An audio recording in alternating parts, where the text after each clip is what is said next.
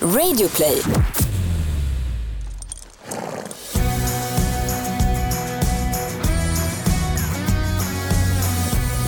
Välkommen till ännu ett avsnitt av podcasten som heter Ridklubben med mig Gry Forssell. Och mig Rebecka Lagin. Vem är det vi får besök av idag?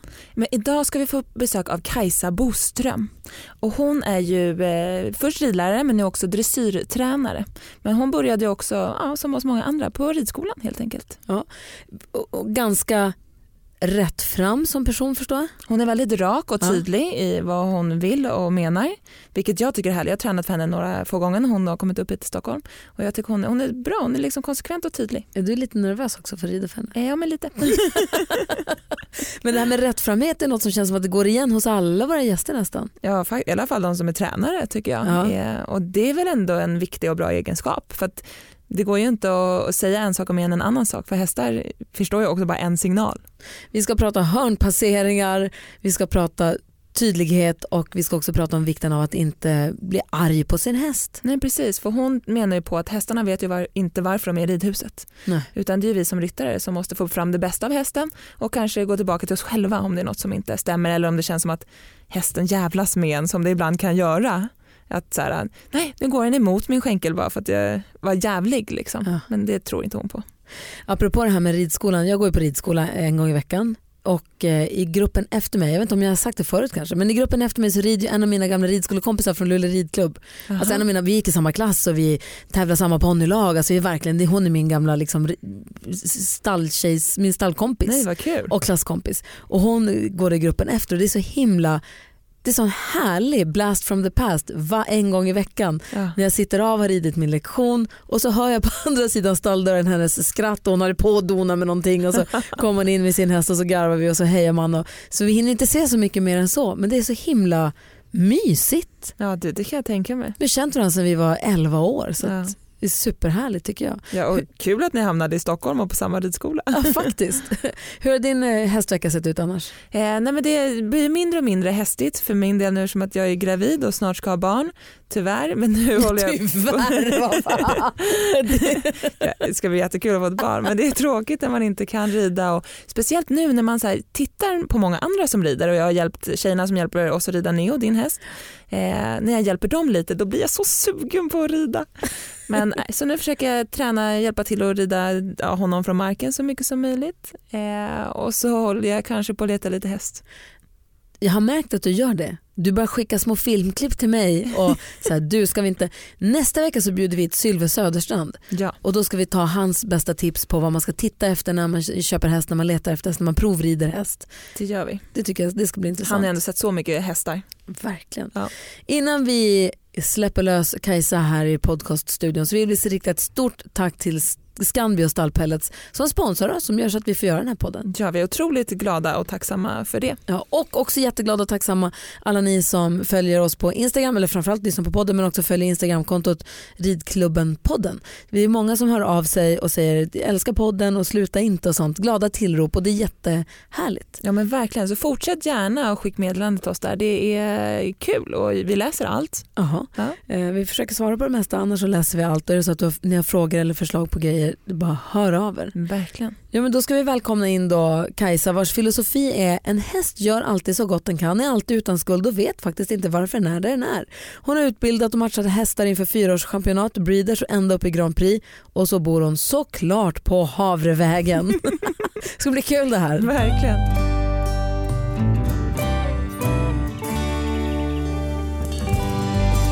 Varmt välkommen till ridklubben Kajsa. Tack så mycket. Hur är läget? Det kändes lite udda, ridklubben. Ja, det känns bra. vad, är det namnet som är udda? Ja, ridklubb för mig det är där jag går in varje dag. Då är det hästar och så är det fler hästar och så är det ett ridklubb eller ett ridhus. Då är jag på en ridklubb. Men det är det här också, man måste bara se det in, inåt. Mm, jag känner det nu. Vi sitter i en podcaststudio uppe på radiostationen eller uppe på Bauer Media och Radio Play där det finns massa radiostationer och folk springer fram och tillbaka. Mm. Så det är inte så, inte så hästig miljö. Inte så mycket. jag läste i din eh, blogg som du skrev på Hipson ja. att, du var, att du skulle ut på djupt vatten nu när du skulle vara med i podcastinspelning. Mm. För du bloggar ju och tränar ju och gör ju hela den där biten. Mm. Eh, men att det här var nytt. Det här är väldigt nytt. Jag, jag satt och tänkte på planet. Jag är ju en, en hästmänniska med en fot i varje generation. När jag började rida så då gick man till ridskolan och så red man och så borstade man hästen och så mockade man och så borstade man en gång till och så gick man i bästa hem, fall hem efter åtta timmar. Mm. Eh, idag är det ju på ett helt annat sätt. Idag är det det går snabbare. Ridning är inte bara ridning. Och när man sysslar med det som jag gör som tränare då behöver man lära sig idag att hantera sociala medier. Man behöver lära sig att marknadsföra sig och man behöver lära sig det här med till exempel poddradio eller mm. podcasting för det är ju inte riktigt där jag brukar vara. Men nu är du här. Nu jag hoppas att det känns och det är bra. jättespännande fast jag har väldigt hög puls. Du skrev också att när du skulle hålla om det var någon klinik eller du skulle prata i mikrofon att du hade frågat Kyra om råd mm. och så att de var toppen och det gick jättebra. Mm. Men man blir jättenyfiken på vad det var för råd. Mm. Jag funderar på det om man skulle berätta det. jag har inte så mycket hemligheter. Jag skulle um, göra den här det, det kallas ju för klinik eller demonstration. Jag vet inte vad som är det rätta namnet. Men jag står på ridhuset och pratar för en full läktare. Eh, och så har jag då med mig lite hästar och visar mig och ryttare.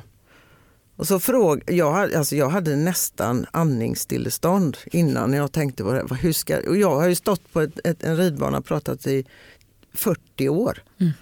Men det här var värre. 100 pers stirrar på mig. Hur ska detta gå? Så jag eh, frågade henne, vi, ja, jag har ju tränat mycket med dem och vi är ganska goda vänner så att jag sa att jag kan väl få, få ett råd. Ja, sa hon på sin härliga finlandssvenska. Du, eh, välj ut någon snygg i läktaren, på läktaren som känns trevlig att titta på och så prata med den. Och så mm. bry dig inte om de andra, om de nu är 400 eller 25 och så vila blicken där när du blir nervös. Och så när du har gjort det i ungefär 30 sekunder så kommer du glömma av alltihop. Så är det precis som vanligt. Sen är det bara att prata på. Bra knep ändå. Verkligen. Många brukar ändå annars säga att man ska låtsas som att den man pratar med är naken. Mm. det, ja, det hörde jag häromdagen och det försökte jag föreställa mig och då kan jag säga att då hade jag inte kunnat koncentrera mig. Så jag tycker inte att det var ett bra råd överhuvudtaget. Det var Kyras råd bättre. Ja. Men du säger Kajsa att du är en, att du är ryttare som har spänt över generation. Mm. R, eller en, alltså över lång tid. Och du, du har också beskrivit att du har gått den, den långa vägen inom ridsporten. Mm. Det har jag också tänkt på. det här. För det var någon som frågade mig för ett tag sedan om jag aldrig har drömt om att rida stora mästerskap eller ja, OS eller VM. Och det, det kan man ju säga här, så här i efterhand, nej, det har jag inte tänkt, för det har jag inte gjort. Eh, bara för att jag inte har gjort det. Alltså som en bortförklaring. Mm. Men jag har faktiskt aldrig tänkt på det. För när jag började rida så var det väldigt lantligt. Vi var inte så många som red. Det var på väldigt låg nivå på den ridskolan. Vi hade inget ridhus. Eh, hästarna var väldigt blandad kvalitet. Och jag, jag upptäckte nog inte förrän efter några år att man faktiskt kunde tävla i, i hästsporten förutom de man såg på tv. Det trodde jag var en annan sport. Liksom. Mm. Jag känner igen mig jättemycket i det du säger, så där mm. upplever jag också att det var förut. Ja, och jag tror att det var, de flesta hade det så. Och jag vet att vi hade en tjej på ridskolan som hade egen häst. Ingen annan hade egen häst. Mm. Sen hade man ju sköthästar och man hade och nu låter detta som det är 1743 men det är faktiskt på eh, slutet på 60-talet, början på 1970. Så, och då hade man inte egen häst. Inte när man inte var vuxen, då kanske man kunde köpa sig en häst. Utan vi, vi drev ju runt där och hade roligt och ingen tänkte på någonting och sen Sen så är det ju så att eh, vissa har ju mer driv och and, och än vad andra ryttare har kanske på ridskolenivå. Så helt plötsligt så var det någon som sa till mig att, att inte du funderar på att bli ridlärare. Ridlärare, tänker jag, hur blir man det då? Kan man bli det? När jag hade mina ridlärare det var två militärer. Och militär vill jag inte bli. Nej men för det var väl så, ridskolan, att det finns så mycket ridskolor i Sverige, det har väl att göra med att man lade ner kavalleriet och det fanns en massa militärhästar över och att man ville se till folkhälsan och då startades det kommunalt drivna ridskolor över hela Sverige och då var det de här militärerna, de fick väl jobb där då, de som hade skött militärhästarna. Vi hade också en skitsträng, jätteläskig militärgubbe mm. i vårt stall och ganska liksom eh, stora grovhuggna hästar. Vi hade en, eh, en eh, bonde kan man mm. säga som drev jordbruk på en stor gård på Näs. Han insåg, han var lite före sin tid och räknade bra pengar så han insåg att han skulle tjäna mer pengar på att ha en ridskola än att mjölka kor. Mm. Så raskt åkte han ut på hästmarknaden i Tanum och köpte sig ett lass hästar. Och så startade det, så det var privat regi. Men han måste ju ha en ridlärare. Vi hade först en, eh, en tjej som var, sen kom det då två militärer. Eh, så det, jag har inte någon uppfattning om att det var någon att någon skulle ta hand om utan det var nog rent ekonomiskt. Han insåg att här kommer det en våg. Jag tjänar inte pengar på mina mjölkkor. Jag sätter igång och startar en ridskola. Sen, sen vet jag inte hur man skulle lära sig rida. Det tror jag inte han hade funderat på heller för man kunde hyra hästar och rida ut. Det var väldigt vanligt. Mm. Men du blev ridlärare sen? Ja, sen blev jag ridlärare för att min pappa tyckte att det var bra att jag skulle bli ridlärare och det är också väldigt ovanligt. Mm. Sen insåg jag att jag inte hade riktigt det kallet att vara ridlärare. Jag ville lära mig rida mer själv och hålla på med tävlingshästar. Så då utbildade jag mig till tränare inom dressyren. Ehm, så idag är det det jag är. Så jag jobbar som dressyrtränare. Eh, jag har, ehm, gör mycket föreläsningar, jag har en del personalutveckling på ridskolor. Jag har ganska nära samarbete med dem. Så det är så jag jobbar idag. Du har tävlat också hoppning upp till 1,30? Ja, och jag har tävlat dressyr upp till Grand Prix. Ja. Och brinner för vet jag, det vi älskar när man nördar in sig på alltså, specifika saker. Jag vet att du brinner, precis som vi också, för hörnpasseringarna. Jag brinner för många saker men det är, en, men det är egentligen inte hörnpasseringen i sig utan det är ju den för att den avslöjar om du vet vad du håller på med. Beskriv den perfekta hörnpasseringen. Rätt anpassat tempo, alltså rätt fart eh, en bra plan, när hästen kan gå över sina fyra ben, rättställd och hålla takten. Då har du klarat en bra handpassering. Det känns som att det slarvas, med, kanske inte på elitnivå på den nivån du tränar, men det känns som att hörnpasseringar har lite, och kortsidor överhuvudtaget har hamnat lite, alltså, det slarvas nu, elitnivå, lite. jag ska rida för idag. så jag vet att jag har lite att bita i så att säga.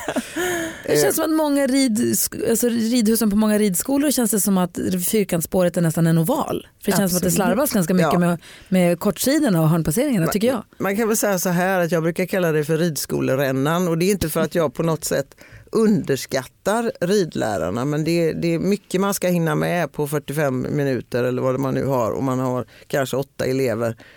Eh, men hörnpasseringen är underskattad. Är du lite nervös för att du ska rida för Kajsa då?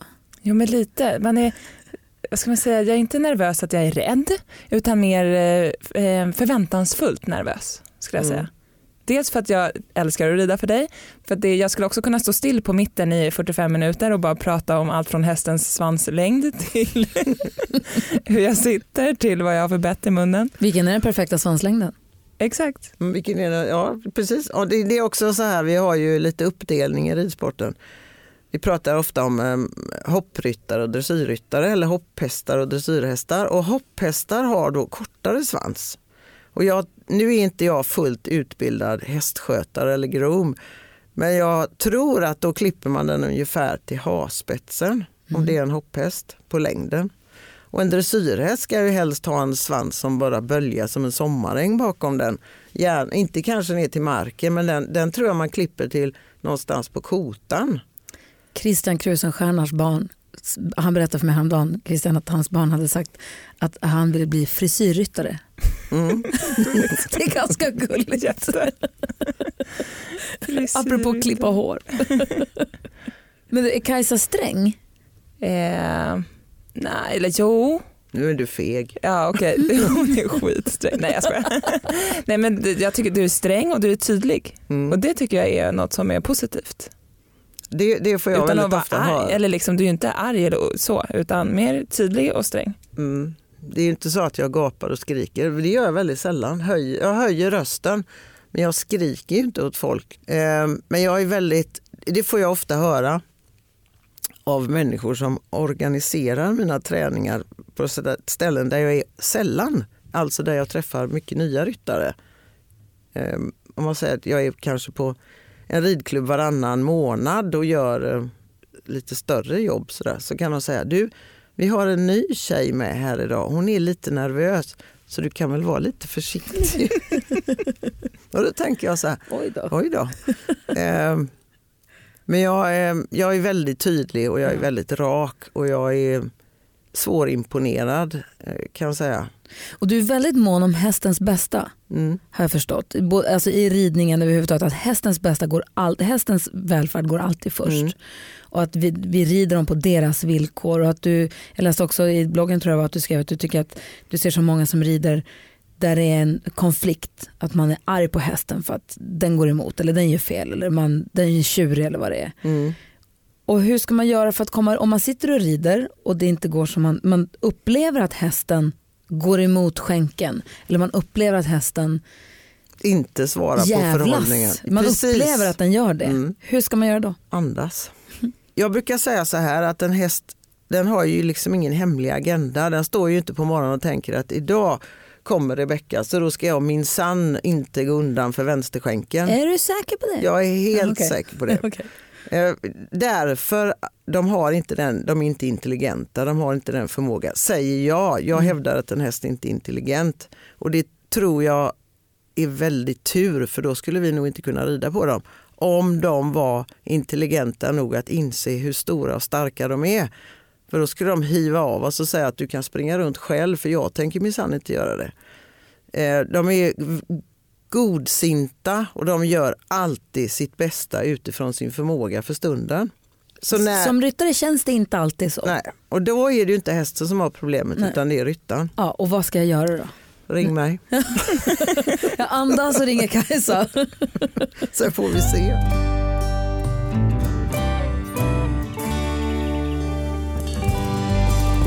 Rebecka, du rider ju dels Neo mm. och sen så rider du en annan häst ja, precis. som är 15. Exakt. Som har en historia och har blivit riden på ett sätt. Ja. Neo har ju också delvis det. Han ja. är ju 11 år så att han har också gjort mycket. Men nu har jag börjat rida en skäck, en 15-årig skäck som är supercool och gått 1,50 och tävlat mycket internationellt. Och den är tanken att den ska gå med en junior sen eh, som är 13. Han är superliten och väldigt nätt och den här hästen är het och hög i formen och ligger på varje hjälp är galopp för honom. Liksom. Den är så fin. Ja, men den är jättefin och jättekul och jag gillar att jobba med honom. Men då undrar jag lite så här, när jag ska då börja rida en äldre häst, hur mycket ska jag påverka och förändra? Eller ska jag anpassa mig mer efter hur han är riden? För vem ska anpassas efter vem? Exakt. Mm. Det är också jättesvårt. Hästen vet ju inte att den byter ryttare. Nej. Hästen vet ju egentligen ingenting, den får ju bara finna sig. Mm. Men de, har ju, de, de präglas ju väldigt lätt hästar. De, de, gör, de är vanedjur. De gör det de brukar. Sen har de ingen uppfattning om det är rätt eller fel, det de gör. Det är vi som talar om för dem om det är rätt eller fel. Om de går i höger eller vänster galopp, det skiter de i. De gör det som är enklast. Men jag, jag brukar säga så här när man köper en äldre häst, det som vi kallar för läromästare, som är då runt 15 år. Den har ett, ett stort, långt register av bra tävlingar kanske. Rota inte för mycket i det. Men titta på det som kan vara besvärligt och försök ändra på det för den som ska sitta upp och rida. Så kan jag tycka. Ja. Men att gå in och greja med dem, det kan många gånger skapa mycket mer frustration för de har klarat sin uppgift och mår de bra och de är bra mentalt så har de klarat sin uppgift även om man kanske kan ha åsikter om hur de har gjort det. Men mår hästen bra så finns det egentligen ingen anledning att ändra på någonting. Finns det en skaderisk med om en häst har gått och blivit riden på ett visst sätt i många, många år och sen så ändrar man? Mm, det gör det. Man önskar ju att alla, alla hästar fick en bra utbildning och fick bli starka och glada atleter och allt vad de ska bli. Nu är det inte så. Och det, det får man acceptera. Har man då en häst som, som, har, som är lite äldre och har en lång historia så finns det möjligheter att börja du ändra på det. Det är som en gammal bil ungefär. Den, den går bra. Du får inte greja för mycket med den. Stoppa i nyckeln och vrid och sen kör du. Det, det kan ju låta lite ironiskt men om man tar hand om sin häst, alltså ser till så att den mår bra, att man rider vettigt inom ramen för vad som är god ridning. Så, så fortsätt med det brukar jag säga. Ändra inte på för mycket. Är du nöjd med svaret? Ja men väldigt. Då har jag en ny fråga. Jag råkade köpa en tvååring häromdagen. Den inte rider så mycket. Den kan absolut ingenting. Nej, men jag är ju också gravid och ska ha barn snart och då eh, gjorde jag mig av med alla unghästar för att jag tänkte att det är inte bra att rida unghäst när man är gravid och så kommer jag inte ha så mycket tid efter. Och jag gillar, eller när jag rider mina unghästar så vill jag gärna göra det själv så att det blir mitt sätt att man har en röd tråd. Men då har jag köpt en tvååring nu då och det var lite, eh, inte som jag hade tänkt mig. Men vad, vad har du för tips till mig då som har köpt en tvååring och jag har inte tänkt att rida den själv på två år? Nej. Den är två år nu. Ja. Ja. Släpp ut den på bete. Ja men det gör den. Mm. Jag har tänkt att den ska gå på lösdrift typ ett år till eller Ja. till i höst. Man kan säga generellt med våra hästar idag, eh, alltså svenska halvblodshästar, att de, man kan rida in dem nästan alltid när de är på hösten, de är två och ett halvt år. Mm. Och då menar inte jag att man ska rida på dem utan mer sadeltämja. Man lär dem sadelträns att de ska kunna bära en ryttare på ryggen, att man ska kunna eh, svänga lite grann. Det räcker nästan när de är två och ett halvt år. Är inte det låt- tidigt? Ja, det, beror, alltså det är lite individuellt Ja. men idag, idag är de ganska tidigt utvecklade. Jag för mig att det var tre år när jag var yngre. Men det kanske som Mm. men om de, är, om de är på hösten och de kommer in Ja. två och ett halvt år på senhösten Mm. när man tar in dem från lösdriften eller betet och kanske det är oktober, november. Då går det jättebra att sadeltämja. Man jobbar lite, vänjer dem vid sadel och träns, lär dem att gå på lina och longeras, lär dem kommandon, lär dem att ha en vikt, en ryttare på ryggen. Sen vilar de över vintern. Men ska du ta hjälp med det här då eller ska du Ja, men den här, jag har en häst för några år sedan som jag gjorde det själv med. Den hade lite sadelstvång dock så den fick vi ju eh, jobba med lite, eh, lite mer varje dag. Vissa mm. lätthanterliga unghästar har jag upplevt att man kanske kan bara göra tre gånger i veckan. räcker det att liksom sadla dem och umgås med dem och sen kan de gå ut i hagen igen. Eh, men den här fick vi göra lite mer med. Men nu tänker jag, nu har jag bett Anna Hasse om hjälp Mm. och det känns bra. Hon är ju väldigt att de ska gå ut på lösdrift och rida lite med handhäst och, Mm. och så. Så den här gången ska jag, så blir han, du tar hjälp i alla fall? exakt. Ja det var ju tur. Rebecka har lite svårt att ta hjälp ibland Mm. har vi märkt. Det verkar vara genomgående för många i hästvärlden. Ja, det är nog så. Ja. Man, man, själv är bästa dräng på något sätt. Du, det är mycket man ska tänka på när man håller på med hästar nu för tiden. Mm. Vi började prata om det när vi satt oss att du sa att förr i tiden då borstade man, mockade, red och borstade och åkte hem. Ja, Så ser det inte riktigt ut längre. nej, det gör det inte. Hur tycker du att det har förändrats? Det är som allting annat. Jag brukar säga det att Eh, när jag pratar om ridskolorna som har haft lite svårt kanske att hävda sig idag i konkurrensen med andra sporter som unga, ungar eller barn framförallt gör mycket mer idag. De spelar innebandy och de spelar det och spelar detta och så är de med i kören och så är det lite trumpet och så är det någonting annat. Eh, och förr kunde man ju åka som en utflykt till simhallen och så simmar man fyra längder och fika och så var det jätteroligt. En sån simhall idag kan ju inte konkurrera. Du måste ju ha rutschkanor och bubbelpooler och all möjlig annan spaverksamhet för att det överhuvudtaget ska vara konkurrensmässigt. Och där tycker jag att ridsporten har gjort ungefär samma resa. Problemet är ju att vi, våran häst är ju fortfarande som den var ungefär för 5000 år sedan. Den hänger ju inte alltid riktigt med i svängarna på det som vi uppfinner och på det sättet som vi vill försöka anpassa ridningen till hur det passar oss idag. Allting ska ske fortare, vi har kortare om tid, vi har fler saker som vi är intresserade av. Och då glömmer man av att det tar tid att hålla på med hästar. För det är det enda egentligen vi har gott om. Man får vara hängiven hästarna tycker jag. Och ha, och ha tid. Att in, man måste inse det tar tid. Upplever du att eh, dina elever till exempel är mer disträ nu eller distraherade av annat? Inte mina elever, Nej. för de har jag fostrat långt och länge och talat om för dem att så här är det. Men generellt sett, ja det är det. Jag har ju alltså mycket vuxenryttare.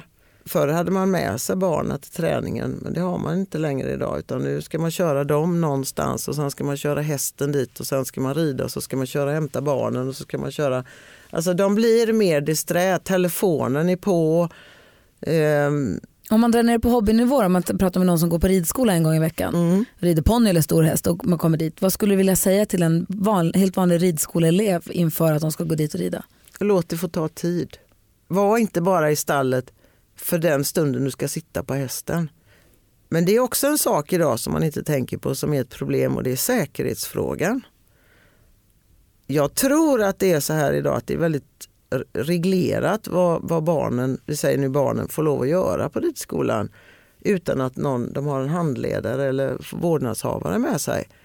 Alltså vi red utan hjälm med träskor på fötterna. Och det är ju ingen höjda grej. Nej, Nej. men det, det var inte alls konstigt. Nej, men alltså, vi hade alltid hjälm, vi hade hjälmtvång men det säkerhetsvästar fanns ju inte. Nej, men jag började man- rida 69. Ja. Och Då jag var det knappt kanske, så det fanns en hjälm. jag började kanske 80 då. Men då, och då var det så att men också så här, rida ut i skogen, två stycken på en häst barbacka och Mm. inga mobiltelefoner man ramlar av. Eller, alltså det, var ju, det var ju lite hej baberiba och det är ju bra att det inte är så. Mm. Men det kan ju också, som du säger, om det är hämmande för lusten att vara i stallet för barn eller för nybörjarvuxna också. För att man vet inte, får jag gå in till den där hästen ens? Får jag Mm. borsta här? Eller får jag sopa stallgången? Eller kommer någon säga att jag inte får göra det? Eller att det kan vara Ja. lite ovälkomnande Du kan inte då. gå in i stallet om ingen är där till exempel. Nej. Kanske. Det kanske är så. Ja. Jag älskar ju våra onsdagar. Jag rider ju Nicky, min dotter som är 9, 10, 9 år. Eh, hon rider lektion och sen så hon rider mellan vadå, kvart i sex och halv sju eller vad det. Sen rider jag mellan sju och åtta då hänger hon och hennes kompis kvar Mm. i stallet och så käkar de i kafeterian och sen så borstar de Nickis sköthäst och sen när jag har suttit, suttit av min lektion då och kommit ut då håller de alltid på och sopar och Mm. de har de här en och en halv timmen, två timmarna där i stallet när de bara När du inte är donar. med. Nej men precis, jag är och rider Mm. och de är och donar och de är så glada, de tycker att det är så mysigt. Mm. Alltså, nu måste vi hem, nu är klockan efter åtta. Mm. Då, ska, då ska de bara och så, vill de, och så ska det ges kvälls och så vill de, du vet, de vill vara där och Mm. superhärligt tycker jag att det är. Men vi skulle ha plats för fler sådana. Ridsporten har väldigt mycket att ge till människan, hästen överhuvudtaget. Den, den berikar på något sätt och jag säger jag är fascinerad varenda dag fortfarande över de här djuren. Så kommer de där momenten när jag nästan står lite och tänker att jag kan inte ha tår i ögat. Alltså det verkar fånigt. Kajsa, skärp dig. Dina händer är viktiga verktyg för arbetsdagen. Så den här veckan har vi 25% rabatt på alla skyddshandskar hos Swedol. Ja visst, passa på! Kika in i din närmsta butik eller handla på webben. När du köper skyddshandskar, välj Swedol för säkerhets skull. Hej! Är du en av dem som tycker om att dela saker med andra? Då kommer dina öron att gilla det här. Hos Telenor kan man dela mobilabonnemang. Ju fler ni är, desto billigare blir det. Skaffa Telenor familj med upp till sju extra användare. Välkommen till någon av Telenors butiker eller telenor.se.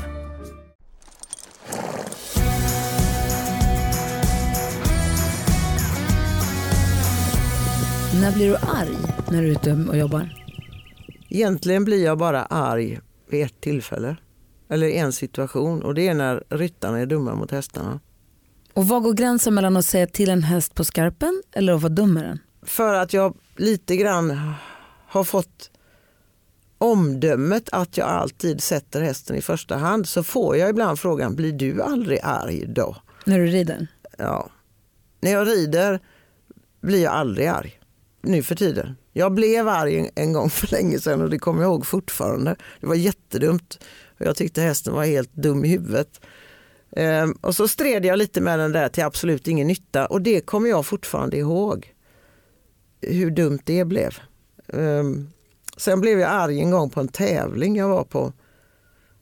Och då hade jag med mig min tränare, det var Richards, eller Richard Kyras man, red jag för i många, många år. Och han var med på den här tävlingen, det var en stor Grand Prix-tävling i Borås. Och min häst höll på att slänga av mig inne på banan. Alltså, den gjorde ett boxsprång så jag höll på att åka upp på läktaren. Så jag var tämligen irriterad när jag kom ut. Alltså arg för att, ja, vad jag nu var arg för. Så jag tänkte, nu minsann ska jag ut på framridningen och tala om för den här hästen vem det är som bestämmer. tänkte jag i stridens hetta. Inget bra beslut. Men den känslan tror jag alla har haft. Precis, och då, alltså, då slutar man ju tänka. Men i alla fall, jag for ju ut från det ena ridhuset, de hänger ihop ridhusen där så man rider bara en liten gång och så ut på, på framridningen. Och så tog jag tygen och sen hör jag hur någon harklar sig. Och först tänkte jag att jag reagerade inte, sen hörde jag lite högre harkling. Och då står Richard i dörröppningen med armarna i kors tillbakalutad och stirrar på mig med svarta ögon. För det hade jag ju tränat i säkert tio år för honom. Då visste jag vad klockan var slagen. Att, alltså Kajsa, nu är du ute och trampar någonstans där du inte ska vara. Så jag fick ju bara släppa tygen igen och sitta av. Men ska, men, men ska man aldrig vara sträng då mot hästen eller ska man aldrig säga till den? Framförallt så ska man ju tänka på att man i, i sammanhang när man rider så är det ju ofta i efterhand du reagerar. Det har redan hänt. Hur mycket kommer hästen ihåg av det? Ska man tänka på först. Sen ska man tänka på att man ska inte bli, man ska inte korrigera en häst när man är arg. För då har man inte omdömet att, att ta i lagom. Utan då, då, då blir du arg och då kan du inte mäta längre hur mycket du tar i. Eh, och sen ska man, när man har, man ska vara noga med att veta att det faktiskt är hästen som gör fel. Och under alla år som jag har jobbat med hästar så har jag träffat kanske en handfull hästar som vi har trott är dumma i huvudet. Alltså utstuderat elaka eller, eller linnesfel kanske. Det är inte mycket, hjälper inte mycket att slå på dem ändå. Men det har visat sig att de hästarna har det varit fel på, alltså fysiska fel på. Så de har reagerat på smärta instinktivt. Och det går inte att straffa en sån häst. Så jag, jag, jag brukar säga så här att eftersom allting sker i efterhand. Vi säger att du rider in på en bana och hoppar 15 hinder och så kommer du ut och är vansinnig för att du tycker att hästen inte svarade på förhållningen eller den gick inte att svänga. Men det har ju redan hänt. Vad vinner du med att gå ut och, och läxa upp hästen då eller statuera exempel eller avreagera dig eller vad det nu blir.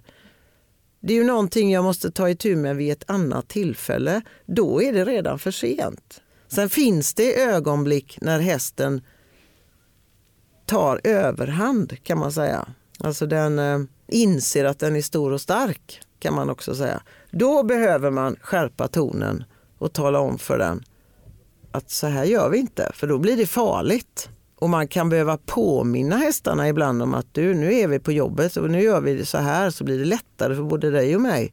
Men jag upplever ju också ofta att om hästarna nu har insett att de är lite större och starkare, att det oftast kommer från markjobbet. Hur man leder den in och ut från hagen, hur den går ut ur boxen eller in i boxen, att den springer före sin ledare. Och bara man får eh, att man är ledaren i stallet också, då upplever jag att det blir lite så i ridningen att det smittar av sig. Mm. Fast jag tror inte att det smittar av sig för jag tror att det följer en röd tråd. Ja. Alltså du, du är led, du sätter på dig kaptensmössan när du går in och därför är det ju väldigt viktigt att hästarna får, nu är vi tillbaka där, rätt grundutbildning. För om du ska springa och jaga en häst med utrustning, sadel och träns och slänga på dig i farten för att de inte har lärt sig att stå still för att ingen har orkat göra det. Så får du ju problem, så då ökar ju det med kvadraten sen. Alltså det som inte går att göra långsamt går inte att göra fort heller. Kan du inte få hästen att stå still, vilket jag tycker är det första man ska lära dem, för du ska få på utrustning och du ska kunna komma upp och av säkert. Kan den inte det, lär den det då. Det spelar liksom ingen roll. Och Hur så, då? Lär den att stå still, man ställer den still och så belönar man den. Okej, nästa. Har, Alltså det handlar om belöning eller det står i, i ridinstruktionen i våran bibel, belöna eller bestraffa. Och jag tycker bestraffa är ett tråkigt ord så jag brukar säga belöna eller korrigera ett beteende för då har den chans att rätta sig. Jag är inte så mycket för det där med att straffa dem direkt. Vi har en lyssnarfråga från en eh, tjej som heter Josefin och hon säger, skriver att eh, hennes häst är dum eller han blir tittig vid domarbordet eller domat, ibland när domaren sitter i ridhuset. Eh, att den blir tittig och hon, de har tävlat i dressyr i ett och ett halvt år. Eh, så de har ändå tävlat mycket och varit vid det här domarbordet så många gånger men ändå ibland så får den för sig och bara tvärkasta sig ifrån det där. Mm. Och då skulle man ju faktiskt kunna tänka sig att hästen har tänkt ut att nu kommer jag till domarbordet och nu ska jag minsann slänga mig. Mm -mm. Fast det tror inte jag. Utan jag tror att det är så här att ridhusets banan ser ut på ett visst sätt 350 dagar om året. Och sen finns det några dagar när man bestämmer sig för, som ryttare att man ska åka och göra någonting helt annat och då ser det helt annorlunda ut. Fast man har inte riktigt lärt hästen att det inte är farligt. För hästen tittar på förändringar, inte på att domaren sitter där. Ehm, och det vet ju inte hästen att det är en domare för det kan lika gärna vara en varg som har gömt sig där bakom det här bordet som är där. Och den är vaksam. Är hästar inte vaksamma så överlever de inte. Så det är en överlevnadsinstinkt att vara uppmärksam.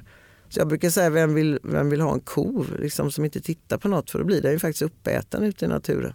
Sen är det så här att eh, man är oftast som ryttare väldigt laddad, vill mycket, höjer ribban, kanske utan att tänka sig för. Styr in hästen och så suger man in all luft som finns i hela världen och nu jäklar och så trycker man på den och redan där blir hästen stressad och undrar vad är det med henne idag. Nu får jag nog vara lite uppmärksam här för det kan nog hända någonting. Det vet jag inte för hästen känner inte igen hur du är. Hur ska man göra för att få hästen mer uppmärksam på mig än på saker i omgivningen? Kanske det som du var uppe här på förut, att man, det, handlar, det är mycket en ledarskapsfråga. Att hästen ska vara trygg i det den gör även om den, med dig, även om den blir rädd för saker utifrån. Titta på polishästarna, hur de tränar dem. Eller som ni har här, högvakten som går genom stan. Det är inte så att de skenar när det kommer en gubbe i hatt precis. Hästar kan lära sig precis vad som helst. Jag såg en ponny en gång som gick och la sig i en säng och drog på sig ett täcke. Mm. Alltså kan man lära en häst det så kan man lära dem precis vad som helst. Men det är väl bara man får ställa in bord och lägga duk på och be någon kompis sitta där med någon liten blomvas. Precis, hoppa upp och ner och sen och en väldigt där, bra eller? tips. Jag ska berätta fortsättningen på det här. Det är att lägga en morot på det här bordet. Mm. För då kommer hästen att gå fram och titta. Åh, finns det någon morot? Nej, inte just nu kanske. Men sen är det så här också att eh, det finns ofta i alla ridhus ett hörn. Spökhörnet. Just det. Japp. Vi har ett sånt också. Ni har fyra. Exakt. Mm. Eller fyra. Ja. Eh, och då är det så här att det är oftast där det sker förändringar. Det läggs saker, det ställs stolar, det står människor eller vad det nu är. Det kan vara ljus som varierar.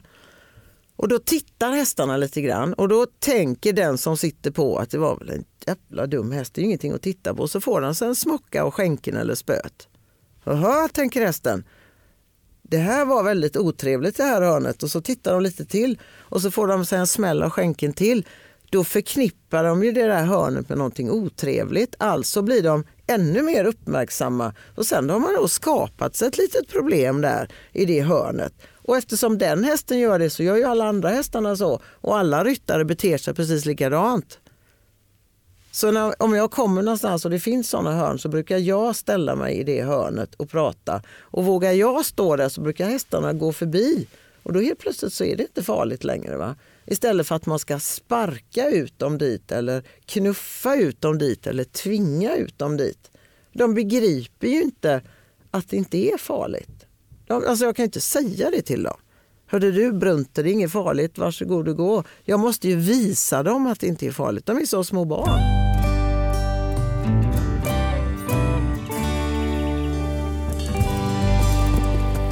Vi brukar alltid be våra gäster om deras bästa stalltips. Vad skulle du säga ditt är? Ett, ett bra tips för ryttare, där jag nästan alltid börjar med nya ryttare, det är ha kontroll på bålen. På min eller på hästens? På, på din egen som ryttare. ja. Se till så att du vet, alltså du har kroppskontroll, att du är medveten om vad du gör med kroppen och armar och ben, hur du håller huvudet. Allting, allting som sker i huvudet, armarna och benen kommer från bålen. Så istället för att säga jag har problem med att mina skänklar fladdrar eller jag har problem med att armbågarna åker ut eller jag har problem med att huvudet guppar så kommer det från bålen. Hur då? Mm. Mm. Um, hur många timmar ska vi prata? um, vi kan säga så här, jag har ryttare ofta som har problem med att skänken åker för långt bak eller eller åker för långt fram. Eller, och passar då utrustningen så kommer ofta felet att du har ett, den viktiga delen på ryttan som är mellan armhålan och höften. Där sitter felet. Du sitter inte rätt i sadeln därifrån oavsett om du nu ska hoppa eller, eller om du rider dressyr eller vad du nu gör för någonting. Så om man lär sig att hålla still benen och sitter fel på mitten, då har du skaffat ett riktigt problem. Sitter du rätt och har, rider i rätt fart så är det oftast inga problem. Jag får ibland frågan eh, från ryttare, du jag kan inte sitta ner på min häst um, i traven för den är så himla skumpig. Men det är bra, mm. vi har fått en lyssnarfråga från Alexandra också. Tips på hur jag ska kunna sitta ner i traven. Mm. Och då är det så här att om man inte kan sitta ner så rider man i fel fart. Och då får man anpassa farten, rida lite kortare steg, mer jogga tills man känner att det inte längre stöter under rumpan utan det gungar under rumpan. Aha! För att man kan mm. alltså inte lära sig att klamra sig fast i sadeln. Det finns många som försöker det. Jag har försökt så många gånger. Ja. Jag försöker Men, fortfarande. Och då, får man, så, då får man inse så här, okej, okay, om det är något jag inte kan, gör det långsammare. Så får man lära hästen inte att trava långsamt, för det är med långa släpiga steg, utan den ska trava med korta steg. Jogga brukar jag säga. Tills du känner att... Har energin kvar men Precis, med korta tempo. steg. Precis som du joggar själv. Mm. Man löper ju inte omkring med tre meters steg, det är väldigt svårt. Men eh, tills du känner att du kan sitta bekvämt. Och så kan ryttaren det och upplever att aha. Och sen tittar de på mig med stora ögon och så säger de ja men så här kan jag väl inte rida inne på banan när jag ska tävla. Nej, säger jag, men man måste börja någonstans. Och är det så att du upplever att du inte kan sitta för det är skumpigt, då rider du i fel fart. Hästen går i fel form. Och vad är det man ska ändra på då? Alltså får man rida lite långsammare och så får man lära sig att rida hästen i en mer ändamålsenlig form där den släpper upp ryggen under sadeln. Sen blir den bekväm, även om den i början kan upplevas som väldigt skumpig. Sen finns det ju hästar som Alltså rörelsemönstret är olika. En islänning till exempel är ju oftast väldigt lätt att sitta på för att ryggen rör sig väldigt lite men benen rör sig mycket under. Och Det är ju samma på en, en, en halvblodshäst om den inte rör på ryggen när den går utan den kanske går med bara benen. Så blir den ju också lite bekväm att sitta på men inte av rätt anledning kanske. Det ska ju finnas en rörelse i hästens kropp, den ska ju svinga sina ben vara elastisk i ryggen när den går.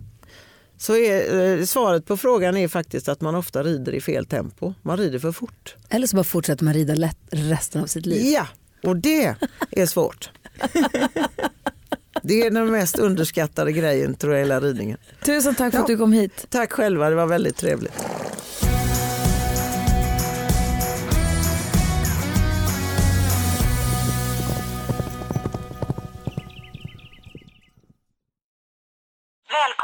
Telenor röstbrevlåda. Hej min fina fina mamma. Kan inte du snälla swisha mig för fika? Älskar dig, puss puss. För att repetera det. Hej min fina fina mamma. Spara samtalet när du förlorat den som ringde på telenor.se calls.